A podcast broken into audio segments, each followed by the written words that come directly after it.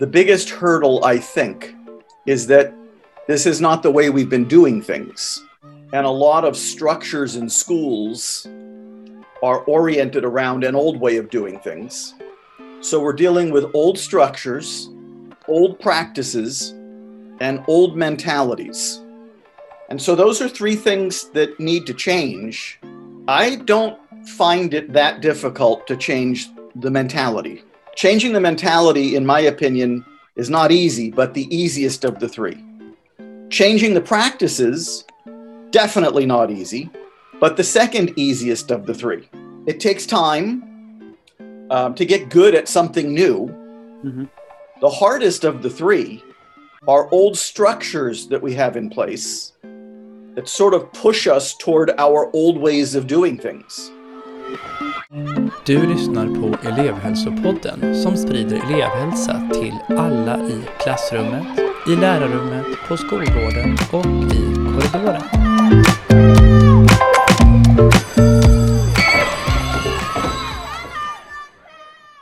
Hej och eh, välkomna tillbaka till elevhälsopodden.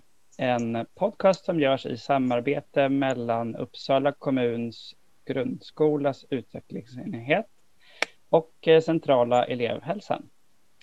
Jag som pratar heter Stefan Boström och är legitimerad psykolog. Eh, idag fortsätter vi vårens eh, tema om trygghet och studiero. Och i förra avsnittet då pratade vi ju med företrädare för IBIS-modellen som är en intervention baserad på positivt beteendestöd. Idag kommer vi få lära oss mer om en modell som har en delvis annan bakgrund och förhållningssätt, nämligen eh, samarbetsbaserade och proaktiva lösningar. På engelska Collaborative and Proactive Solutions. Eh, och därför så kallar vi modellen kort och gott CPS. För att ge er lyssnare lite mer kontext och förståelse inför samtalet så kan det vara bra att veta att jag själv är certifierad utövare av modellen och för närvarande jobbar aktivt med implementering i de centralt organiserade särskilda undervisningsgrupperna där jag jobbar i Uppsala. Många i Sverige känner till CPS som förhållningssättet Kids do well if they can eller Barn gör rätt om de kan som modellens skapare har myntat och som Bo Heilskov Velven också populariserat i Norden. Färre känner kanske till och använder de verktyg som också hör till modellen. Idag ska vi därför fördjupa oss i hur modellen kan användas i och hjälpa skolor. Och vem är bättre att prata med om det här om inte CPS skapare själv? And therefore I'll switch to English uh, to be able to proudly present to you Dr. Ross Green. Välkommen to Elevhälsopodden. Hey, hey, Stefan. Nice to see you. You as well. I know you've been practicing your Swedish after many visits in Sweden over the years. So uh, the question now is how much did you understand of my introduction? Um, very little, although I did hear Bo's name in there. Yeah. Do you know uh, what CPS is called in Swedish? You know, I see it often. Um, I don't know that I can pronounce it. No, I won't force you. It, it's uh, samarbetsbaserade, which is collaborative, och proaktiva, which is the same word, uh, uh, lösningar, which is solutions. I'm glad I didn't attempt it. No. and I think we'll keep to English for the rest of the conversation. Bra. Yeah, great. Uh, I'm I'm sure that uh, you are uh, quite well known to many of our, of our listeners. Um, some have read your books or uh, went to lectures, uh, but to those who don't know who you are, would you like to introduce yourself to the listeners? Well, I'm a clinical child psychologist um, in the United States, usually best known from my books, The Explosive Child and Lost at School and Lost and Found and Raising Human Beings. Probably spoken in Sweden at this point 50 or 60 different times in probably at least 20 different locations throughout Sweden, um, some of which I'm able to pronounce and some of which I still can't. At least I know that Jönköping is not John Kaping. So I got I got that wrong first, but then got corrected. Huh. Yeah, yeah, I'm getting there. Um, still struggle with Honinga, but Mm. um, that that actually wasn't bad what I just did. No, it's quite good. Yep. And uh, I've been working with kids with concerning behaviors for a very, very long time. And um, now also doing a fair amount of advocacy work through uh, the nonprofit I founded, Lives in the Balance, so that we can stop doing a lot of the counterproductive things that we often do to kids with concerning behaviors that are not helpful and um, are not effective. Yeah, great. How come you ended up working with these kids with challenging or unlucky behaviors? Um, I like underdogs, and they are the ultimate underdog because they don't necessarily look like an underdog. So that's about as good as an underdog as you can get. I think that they are very poorly understood in many places. I think that they're very poorly treated in many places.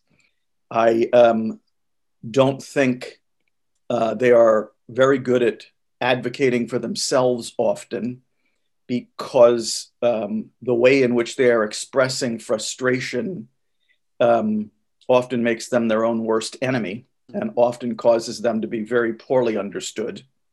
And then they are often on the receiving end of the most harsh, punitive, exclusionary discipline we adults can offer.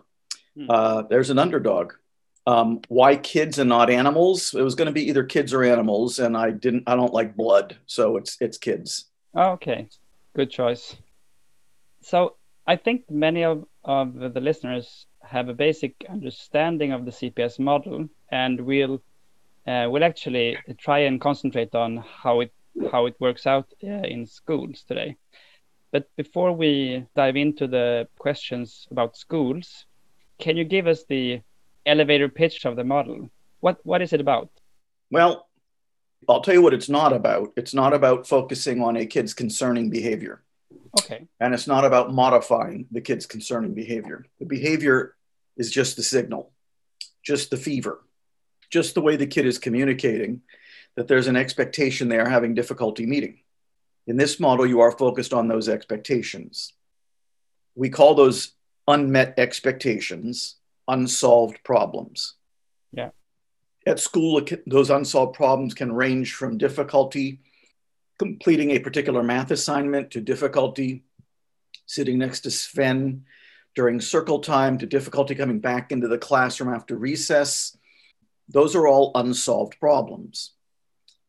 Some kids communicate that they're having difficulty meeting those expectations through behaviors that are what I call unlucky. Some people would call them big. Uh, some kids communicate that they're having difficulty meeting expectations in ways that I call lucky. Uh, whining, pouting, uh, withdrawing, crying. Unlucky screaming, swearing, hitting, spitting, kicking, biting, throwing, destroying. That's an artificial distinction, except for one thing. The kids who communicate that they're having difficulty meeting expectations in ways that are lucky tend to be responded to with empathy and nurturance and support. And the kids who communicate that they're having difficulty meeting the very same expectations in ways that are unlucky tend not to be responded to with empathy, uh, nurturance, and support.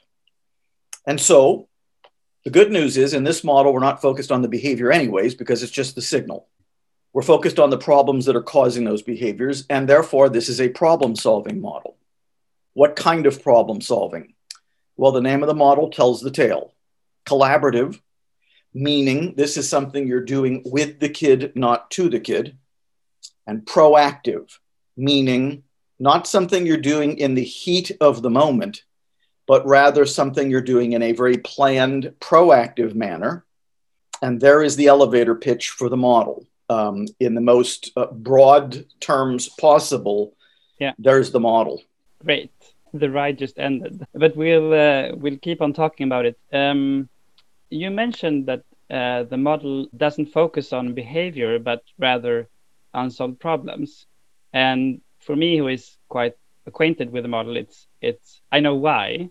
But can you just explain why why is it not um, focusing on behaviors like not all but many other models trying to help kids? Well, I was trained in models that taught me to focus on a kid's behavior what you're doing when you're focused on a kid's behavior is you're trying to modify the behavior. Mm-hmm. Uh, and that is typically accomplished through use of rewards and punishments. Uh, it's a fairly straightforward approach. You're rewarding the behaviors you like so as to see more of them. You're punishing the behaviors you don't like so as to see less of them. But none of that solves the problems that are causing the behaviors in the first place. Hmm. But when you're solving the problems that are causing the behaviors in the first place, not only do the behaviors subside because it's only unsolved problems that cause concerning behaviors, solved problems don't, but you're also solving the problems that are causing those behaviors. So I tend to think these days of behaviors as late. Hmm. Behavior occurs after a problem sets that behavior in motion. Therefore, the behavior is late. And interventions that are focused on behaviors are interventions that are focused on what's late. The earliest you can get is identifying the problems that are causing those behaviors and solving them so that you're not late. You don't really want to be late. That's more crisis management. You want to be early. That's true crisis prevention. Oh, right. And also, in my view, I think that uh, we nowadays and for the last couple of decades, we've also known uh, quite a lot about uh, the whys of the behavior that precedes the behaviors from uh, developmental and neuroscience. So uh, we kind of know better uh, than to only modify behavior. Well, not everybody knows better. Some people still think that the behavior is completely under the child's control think that the child is getting something or escaping something or avoiding something by exhibiting the behavior, that the behavior is purposeful, intentional, goal oriented. And when people still think that way, and a lot of people still think that way, then behavior modification strategies actually make a great deal of sense. If we recognize that the reason some kids have difficulty responding adaptively to problems is because they're lacking the skills to respond more adaptively to problems. Right. And if we recognize that kids are only exhibiting concerning behaviors when there are expectations they are having difficulty meeting, then behavior modification really doesn't make a whole lot of sense anymore. And solving problems collaboratively and proactively makes a great deal of sense. Right. So now we talk about the approach, which talks about kids do well if they can, and uh, why we do as we do. But I'd, I'd like to talk some more about what are the actual tools and how do we go about problem solving with the kids? Well, the primary method that it's done is something called Plan B, which um, is where which is where the actual problem solving process is happening. Solving a problem collaboratively consists of three steps. Plan B consists of three steps. They are called the empathy step, the define adult concern step, and the invitation step. As I always say, the names of the steps don't matter too much, the ingredients matter a lot. In the empathy step, we are gathering information from the kid about what's making it hard for the kid to meet a particular expectation. As I always say, kids have information we badly need related to what's making it hard for them to meet a particular expectation. We adults often think we already know what's making it hard for the kid to meet the expectation. And that's why in the empathy step, there are many what I call jaw dropping moments, moments when we adults discover that what we thought was getting in the kid's way is not what's getting in the kid's way. The empathy step gives the kid voice. Mm-hmm. The empathy step gives the kid agency. And those are very good things to be giving to kids. Yeah. The define adult concern step, this is where adults are entering their concerns into consideration. We adults have very important concerns as well. Um, what are our concerns related to? How the unsolved problems affecting the kid, health, safety, learning, and or how the unsolved problems affecting other people, health, safety, learning. The third step, the invitation, is where kid and caregiver are collaborating on a solution, but a solution that must meet two criteria. It's got to be realistic. Both parties got to be able to do what they're agreeing to do. And it's got to be mutually satisfactory, meaning the solution truly addresses the concerns of both parties. Hmm. So, a very important point there, something I've been saying quite a bit lately, and world history bears me out on it. If a solution is not realistic and mutually satisfactory, this problem is definitely not solved. Those are the three steps. It sounds pretty straightforward. There yeah. are many nuances to each of the steps, but in terms of the basics, it is pretty simple. Right. Yeah, I, I, was just about to say the same thing myself. It's quite seems quite straightforward. But to just for a moment play devil's advocate, if if I'm an adult which uh, working in schools uh, and is pretty empathetic already, why should I do this with a kid that's having problems in schools? What's the point of it?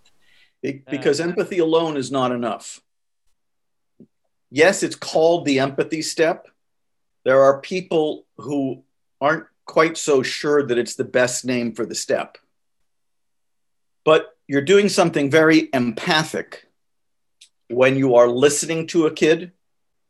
But in the empathy step of plan B, yes, you're listening to the kid, and that's why I like that it's called the empathy step. But the primary goal is to understand what's making it hard for a kid to meet a particular expectation. So, empathy alone the most common definition of empathy is that you are understanding someone's pain or situation. It's not enough. That, that's not enough to solve the problem that's causing the person the pain. Hmm. Clearly, while empathy is a wonderful thing, it's not enough. There are three steps for doing Plan B. Many people don't even think of empathy as a problem solving ingredient many people still feel that empathy alone is plenty. Empathy alone is great, but it's not enough. Right. So, yeah, in my view, from working quite a lot of years in schools, school people they are generally problem solvers, uh, and and because they they're faced with uh, too ma- maybe too many problems every day, which they have to solve or at least manage in in some way. Uh, in my experience, when when training people in in the model, uh, it's it helps them to to be specific and maybe solve one problem at a time. And also, as as you've said, and which is the whole point of the model, to get get the kid engaged in it, because adults in school, they they have to solve problems, but they usually do it by themselves, and that's that's not the best way to make uh, a long long term solution work. So we should talk about unilateral problem solving just for a minute. In this model, we call that Plan A. Plan A is where the adult is deciding what's making it hard for a kid to meet a particular expectation, and the adult is deciding what the solution is. Occasionally that actually works, but most of the time it doesn't work because we've left somebody very important out of the equation the kid. Hmm. It's the kid who's actually our best source of information on what's making it hard to meet that expectation. And I find that solutions that are imposed on kids don't work very well. Um, better to get buy in from the kid, better for the kid to be a full participant in thinking about and um, coming up with and agreeing on solutions. So, yes, educators do solve problems frequently, how we do it, I find, has a great deal to do with how successful we're being. Hmm. Right. So, if we uh, narrow it down to how CPS can help schools, then I know you've been implementing and helping with implementation in in many school districts and schools, uh, not only in the states but in other countries as well. But what have you and others seen in terms of results when schools have implemented the model with with fidelity, both on short and long term? What have you seen? we see significant improvement in students' behavior. Mm-hmm. We see lots of problems getting solved. We see adults who thought that this model was going to take much more time, finding that it actually saves time. We see significant reductions in what we in the United States call discipline referrals, sending a kid to the office for discipline. Right. And we see significant reductions in the things that happen after the discipline referral detentions, suspensions. In classrooms that use restraint and seclusion, restraint is where you're pinning a kid to the ground, seclusion is where you're throwing the kid into a locked or blocked padded room. We see significant reduction or complete elimination of those practices, proof that those practices weren't really necessary in the first place. Um, so the model has a pretty stellar track record mm. when it's implemented with fidelity. Even when it's not implemented with fidelity, among the most important things that we see is a complete change in adult lenses, how they are now understanding kids who exhibit concerning behaviors.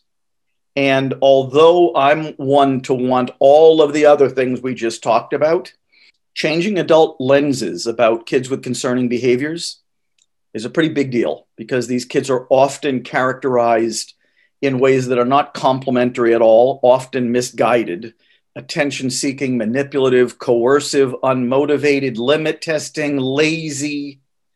Um, when we can get adults to stop seeing kids through those lenses and come to recognize that this kid is responding maladaptively to problems because the kid is lacking skills, that is a much more compassionate, much more accurate, and much more productive set of lenses.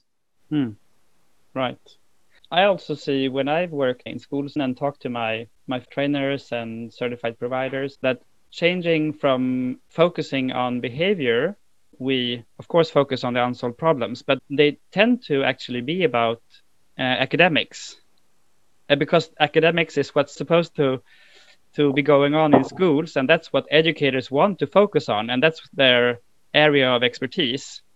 And I, I find that a very compelling change of focus uh, which actually pleases the educators because uh, solving problems about academics is what they're good about and uh, what they like to do instead of focusing on behavior well my estimate, we're trying to collect data on this now, is that about 80%, 80% of the concerning behaviors that occur in a school can be traced back in one way or another to difficulties students are having with academics.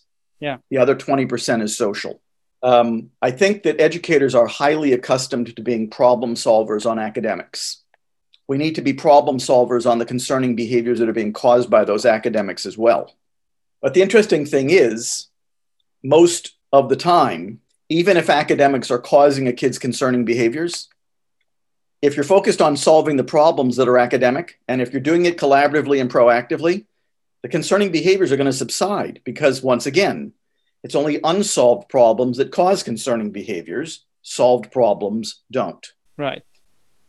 If we once again think about CPS as a tool in schools, then uh, we've talked mainly about the kids that are causing us the most problems in schools and and that taking us the most time to help and who have the most challenging behavior.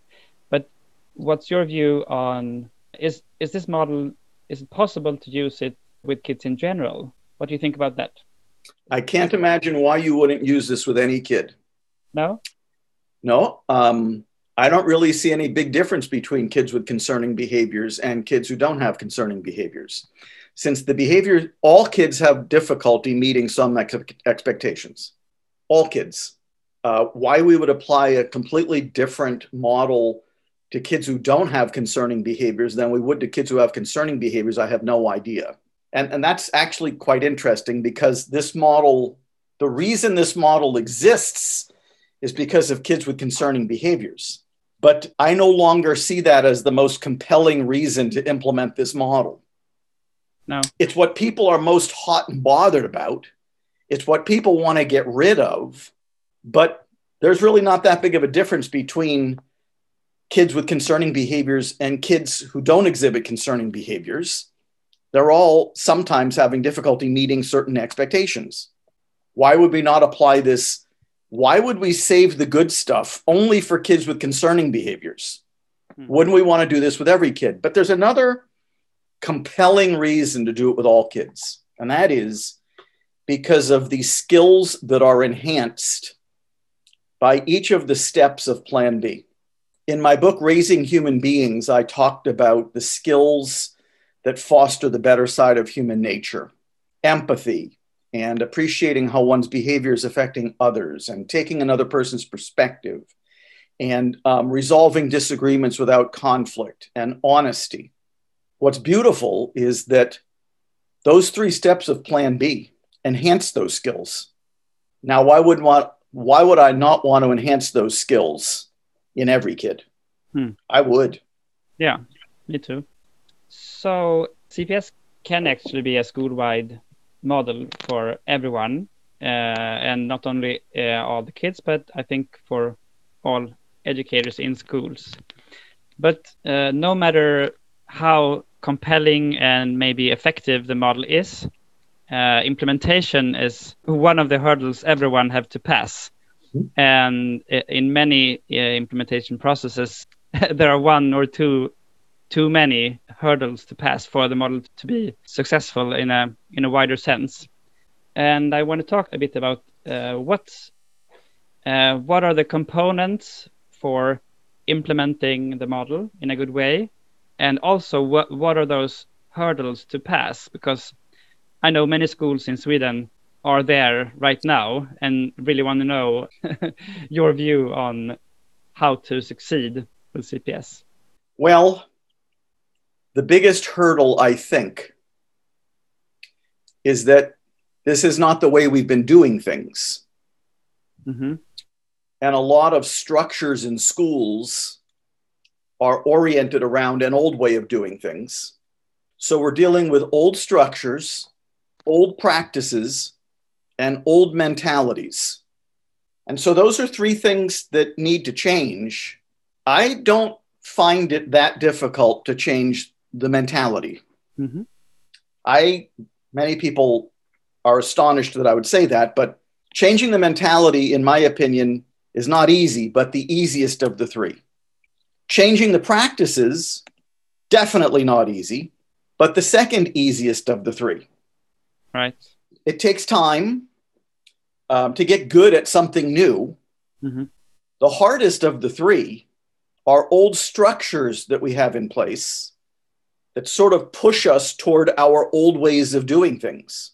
So, what we have found is that we often have to help people take a look at their structures, school staff, mm-hmm. take a look at those structures early in the process because we can get people really good at the assessment tool that's used in this model. We can get people really good at plan B in a school. But if the old structures are still in place, then we're trying to force fit this model into those old structures. And those old structures are pointing people to ways of doing things that are not collaborative and proactive solutions. Right. Can you give examples of those old structures that don't don't help us? Well, a good example is um, what gets done, and this is probably more true with concerning behavior in the United States and our schools than in Sweden. Mm. In the United States, if a kid acts up or misbehaves in a classroom, they get what's known as a discipline referral.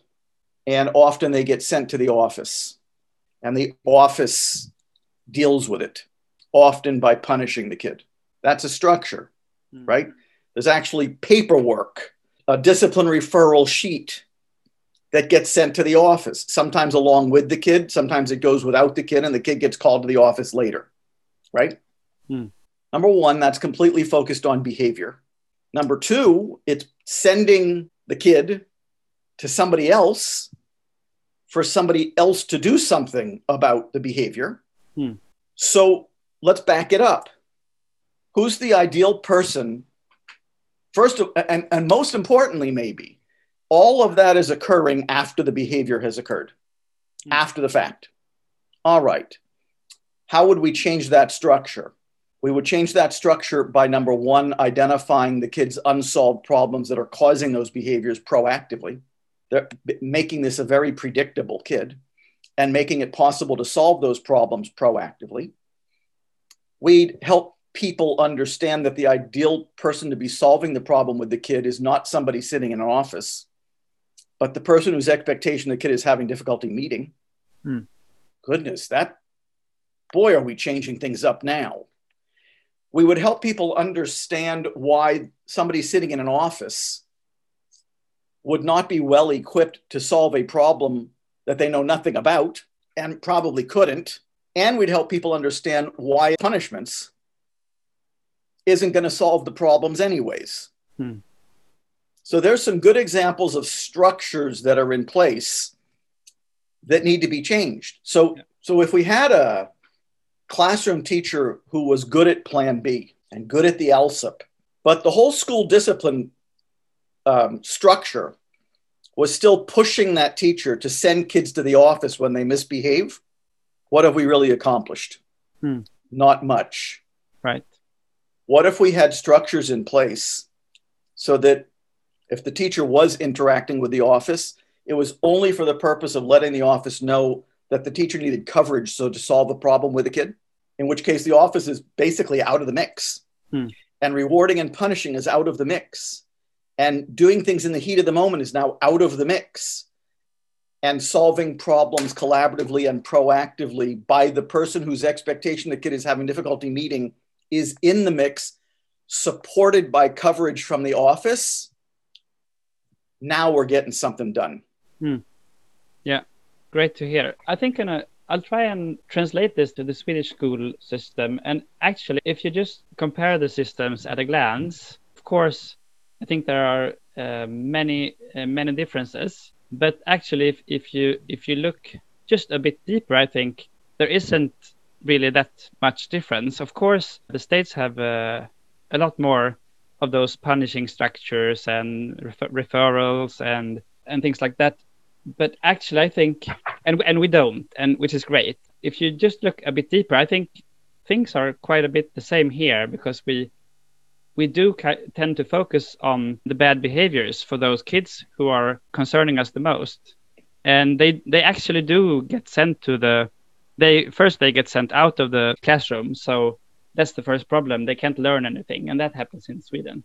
And then they do get sent to the principal or someone else who can't who can't solve the problem for them and the the relation between the teacher and the kid doesn't get better by doing that it, it gets worse. So if you could just uh, look beyond the surface from the differences, I think we we have a lot to gain to to to see the the uh, what's the same and what the solutions can be.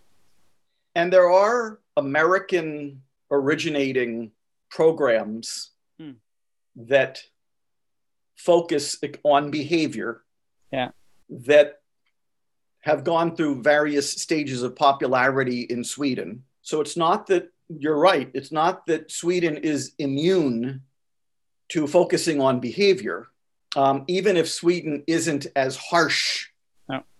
As we are capable of being here in the United States in response to behavior. Uh, you're right. Sweden still has a tendency to focus on behavior and to find programs that are focused on behavior mm. to be very appealing. Yeah. Um, I think that, well, you already know what I think of focusing on behavior. Yeah, I do. But but um, I'm looking at the clock here, and and time is valuable, and I want to get all the listeners to get uh, all those juicy, uh, useful stuff before we end. So I'm just gonna skip ahead a bit, uh, and ju just uh, ending the talk with implementation and structures. Uh, there's an implementation blueprint written by providers in Sweden, mainly Haninge, which is actually a great tool for anyone who wants to implement CPS, which is has a lot of focus on uh, in advance um, identifying those uh, structural hurdles and actually erasing them before you have a go at implementing CPS. Uh, so I really recommend it. Is it available in, in English as well? It is Or- translated into English. Yeah, maybe we haven't. It's not up on any web page yet. Yet. Not yet because I'm going to see if we can modify it a bit before I post it. Right. But I've actually we're in the middle of implementation of CPS uh, within my small special education unit, and I've me and my principal uh, and those working with CPS have found Blueprint very useful. Excellent. And I just have a question about uh, implementation in my tiny uh, building. The staff that I'm training there, they work very hard to learn Plan B. They work hard uh, and practice the different parts of the model, and they sometimes find it uh, really hard. I'm wondering if we could just touch base with some of the failures that precede mastering the model that you can share with us to sort of encourage our struggling. Well, first of all, most people do the model wrong before they do the model right. Okay. In what way?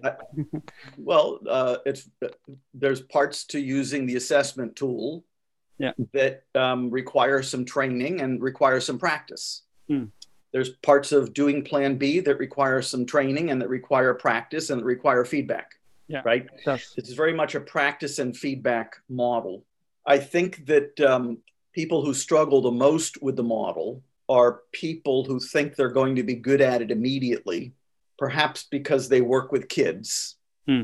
This, this model is an acquired art and it does require practice and feedback. Hmm. So I'm having trouble coming up with any failures yeah. there are times when people simply refuse to practice the model. Hmm. If you don't practice it, you are highly unlikely to get good at it. Sometimes they don't practice it be, on philosophical grounds. They just don't agree with the mentality of the model. Often, almost always, that's because they don't actually understand the model. And here's what's interesting some of the people I've worked with who were most ardently opposed to the model in the beginning became among its most ardent advocates in the end, suggesting that a person's initial response to the model uh, is not a very good predictor of how they will ultimately come to feel about the model if they're willing to practice and if they're willing to get some feedback on it.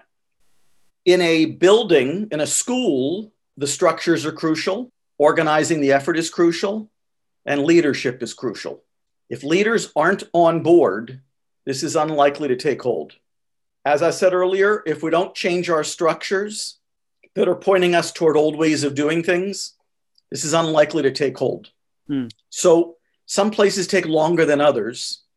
I find that those of us who work with kids, anything new that comes along, we feel like we ought to be good at it immediately because we work with kids number one, that's not true. And number two, it's not true of this model. right. So it takes time, and most of the time, uh, quite a lot of effort, but it pays off. It does. And, you know, how much effort? I'm not positive. There's lots of initiatives that have come down the pike in schools that required significantly greater effort. Hmm. So I don't even put this in the category of initiatives that have gone on in schools that is in like the top tier of requiring effort. I think it requires commitment. I think it requires dedication. I think it requires organization. Yeah. And before wrapping up and pointing us to uh, resources and activities that I know will uh, come ahead in Sweden uh, and Europe, I have one final thought. And I've talked quite a lot with my uh, former CPS trainer, Tasha Berg, in Ekerö. And I've many times been impressed by their systematic uh, work with uh, implementing the model. And the one thing that they've showed me is that to visualize this is uh, kind of a train station where different trains depart at different times, CPS trains. So uh, staff and schools get repeated chances to hop on a CPS train uh, when it's time and when they're ready. Still, some people are hard to persuade to get on board. And how do you think we can get more people on board with uh, the CPS trains in, in schools? Well, we could appeal to somebody's humanity, Mhm. and that is we're still losing kids and giving kids poorer outcomes because of obsolete ways of thinking about them and obsolete ways of treating them. And it's a tragedy to lose a kid. That's appealing to their humanity. We could use data. These kids are not doing well. So apparently, what we're doing now isn't working. The data tell us that it's so. We could appeal to logic. In the United States, these are very, very expensive kids. Hmm. Yeah if that money is being spent unnecessarily, and if we could stop spending all that money by doing something different because we don't have to be losing these kids in the first place, then from a purely financial perspective, hmm. this makes sense. Bottom line is, I find that what's most persuasive is the research that's accumulated over the last 40 to 50 years telling us that kids with concerning behaviors are lacking skills not motivation. There's no research telling us they're lacking motivation. There's a mountain of research telling us they're lacking skills. That's pretty compelling. It is. Yeah.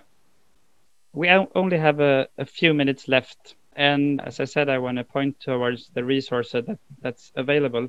I know that there's actually there's training going on uh, in Sweden because we have uh, quite a lot of Swedish trainers. So I think you can have both um, certification training, which I've had, so you can uh, teach the model to others in your organization. And is there also the thing that you're calling pre-certification? Is it available here to anyone or? Pre-certification is just part of the certification training. It's just the first part. All right. But we do skill and we're, we're, we are trying to get skill enhancement courses going, which is a less intense way to get more training and experience in the model. Hmm. I'm speaking virtually this year in Sweden um, in August, as I always do.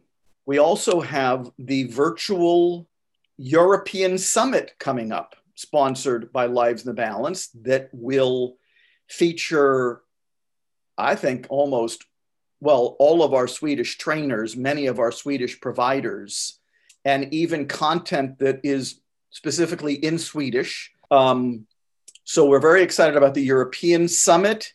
If I'm not mistaken, that's in September 22nd, and people can learn more about that. Uh, the that's uh, that's available for registration now. Um, so we're very very excited about that. We have Peter Vermeulen doing a keynote. We have Sarah Ward, who is uh, like who is very an excellent speaker, speaking on executive functions. Um, but we have all kinds of breakout groups, including from the folks who implemented CPS throughout Haninge and from the folks who you mentioned who are implementing CPS in Ekerö. Um, it's going to be quite a conference. Yeah, I think so too. I really look forward to it.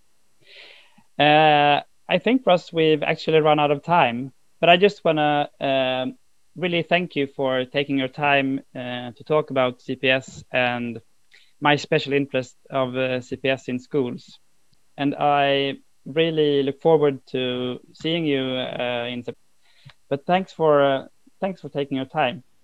My pleasure. And as you know, anything I can do to support uh, implementation of CPS in Sweden for Sweden's kids and educators, uh, I would do anything I could. Yeah, I take that as a promise. Thank you for doing this. Tack! Ingen orsak. Tack!